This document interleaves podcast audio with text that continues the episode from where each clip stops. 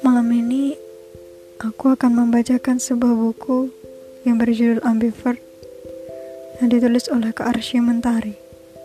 Segmen ini berjudul Jika Boleh Diulang. Hanya karena aku pernah gagal, bukan berarti tidak boleh melanjutkan.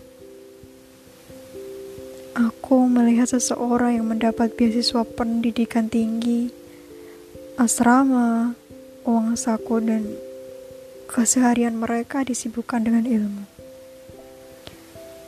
Belajar itu menyenangkan, sampai aku menyadari bahwa tidak memikirkan apa-apa terlalu lama adalah hal yang menyiksa.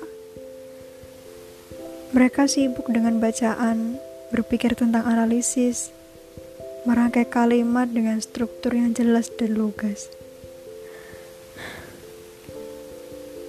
Betapa aku merindukan beban.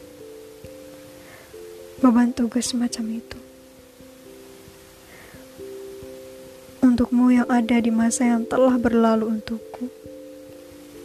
Masih bergelut dengan beban pikiran dan tugas berserakan, nikmatilah. Itu tidak akan berlangsung lama. Jika kau benar-benar seorang penuntut ilmu, kau akan merindukannya suatu saat nanti. Bahkan, ambisi untuk segera lulus bukan hal penting paling tepat untuk mengakhiri perjalanan pemikiranmu. Berakhir dengan cepat, berarti siap memulai tingkat yang lebih tinggi dengan lebih cepat pula.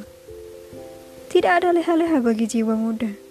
Tidak menempuh pendidikan bukan berarti berhenti tentang pemikiran.